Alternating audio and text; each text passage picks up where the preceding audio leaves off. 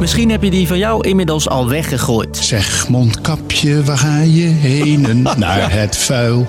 Naar... Mondkapjes. Inmiddels zijn ze bijna nergens meer nodig, maar er was een tijd dat er een gigantisch tekort was. Ik zag uh, half maart dat medewerkers eigenlijk onbeschermd rondliepen, dat er geen spullen waren. Gelukkig was daar toen Siebert van Linde. Toen had ik wat vrienden, ondernemers in China, en die zeiden ja, het ligt hier uh, pakhuizen vol. Maar de mondkapjesheld bleek er vooral zelf ook wat aan over te houden. En minister Hugo de Jonge zou een grotere rol hebben gespeeld in de deal tussen Van Linde en het ministerie dan tot nu toe gedacht. Ik ben Jasper en ik neem je mee door die twijfelachtige mondkapjesdeal. Lang verhaal kort. Een podcast van NOS op 3 en 3FM. Maart 2020, het begin van de coronacrisis. Er is een megatekort aan medische spullen, want ja, de hele wereld heeft ze ineens nodig. De inkoop schiet maar niet op, vindt Siewert van Liende. Hij stuurt meerdere tweets waarin hij schrijft dat het belachelijk is dat bijvoorbeeld verzorgingstehuizen zonder mondkapjes zitten. En dat hij binnen twee weken voor miljoenen kapjes kan zorgen. Het gek was, eh, ik had in mijn eh, netwerk eh, ondernemers en die zeiden in China ligt de, de pakhuizen vol. Als je wil hebben, dan stuur me via Paypal maar wat geld en ik ga het wel voor je regelen. En dan krijg je ze. Hij sluit een deal met het ministerie. Siewert gaat hoogstpersoonlijk genoeg mondkapjes uit China halen, zonder daar zelf maar iets aan te verdienen. Verdien je er ook aan? Kan er? Nee, nee, dat is een stichting. Het is een stichting toch waar jij in zit? dus je hebt geen winstoogmerk. Maar Siebert verdiende wel degelijk aan zijn mondkapjesdeal. Volgens journalisten van Follow the Money dik 9 miljoen. En hij heeft 9 miljoen in zijn eigen zak gestoken.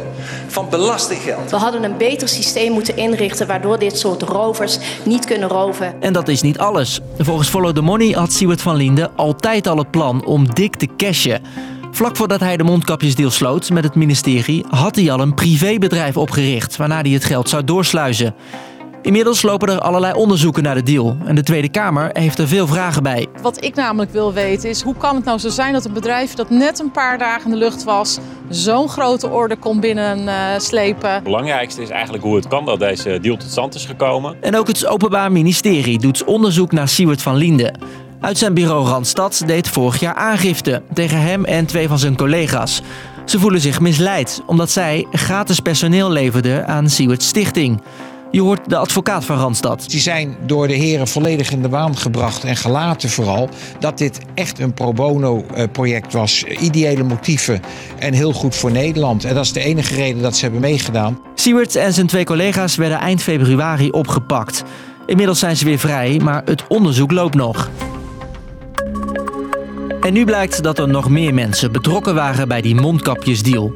Toenmalige coronaminister Hugo de Jonge speelde ook een actieve rol, onderzocht de Volkskrant.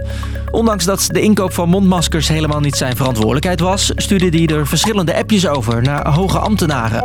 Zoals, je kunt die Siewert beter inside pissing out hebben dan outside pissing in. Daarmee doelde hij waarschijnlijk op de kritiek die Siewert had. En goed om te weten, Siewert was rond die tijd nog lid van het CDA, net als Hugo de Jonge. De minister drong dus aan op een samenwerking, blijkt uit die appjes. En dat is wel wat anders dan wat hij eerder zei. Ik ben bij, bij die uh, deal natuurlijk niet betrokken geweest. Dus ben ik bij die afspraak niet betrokken geweest. is ook niet mijn portefeuille. Maar na het Volkskrant-artikel blijkt dat de volk dus toch net iets anders in de steel zit. Hoog tijd om verhaal te halen bij de jongen zelf. Wat klopt er dan niet aan die appjes, meneer de jongen? U zegt dat u niet kan Wat klopt er dan niet aan die appjes? Even één tegelijk, ja? Maar ja, echt een antwoord kregen ze niet. Toen ik de krant vanmorgen zag, dacht ik, nou, ik zal er wel vragen over krijgen. En het lijkt mij juist heel fijn om uit te kunnen leggen hoe het wel zit. Maar dat kan ik nu niet doen, omdat er uh, onderzoek wordt gedaan. Of dit voor de minister grote gevolgen heeft, vraagt onze Haagse verslaggever Wilco Boom zich af. De jongen heeft zijn woorden slim gekozen. Wat hij heel precies zegt, is dat hij niet bij de deal betrokken was geweest. En ja, hij onderhandelde niet zelfs. En de vraag is dan of de berichten van Van Lien doorgeven aan je topambtenaren hetzelfde is als betrokken zijn bij de deal. En daarnaast moeten we niet vergeten dat iedereen op dit punt in de crisis nog dacht dat Siebert van Linde het allemaal voor niets deed. Hij kan er natuurlijk ook nog op wijzen, en zijn opvolgers ook, dat dit zich allemaal heeft afgespeeld in de tijd dat er nog een mega schaarste aan mondkapjes was. En dat alles er dus bij VWS was op gericht om meer hulpmiddelen aan te schaffen. Dus, lang verhaal kort. Siewert van Linden verdiende in het begin van de coronacrisis miljoenen euro's aan een mondkapjesdeal met de overheid. In die tijd zei hij dat hij geen plannen had om winst te maken. Maar ondertussen lijkt het erop dat dat wel degelijk een doel was. En ook minister De Jonge lijkt behoorlijk wat invloed te hebben gehad. Wie precies wat van plan was met de deal, dat horen we later als alle onderzoeken daarover klaar zijn. Was de podcast weer. Wij houden ons aan de deal dat er elke werkdag rond 5 uur een nieuwe aflevering voor je klaar staat. Helemaal gratis. Doei!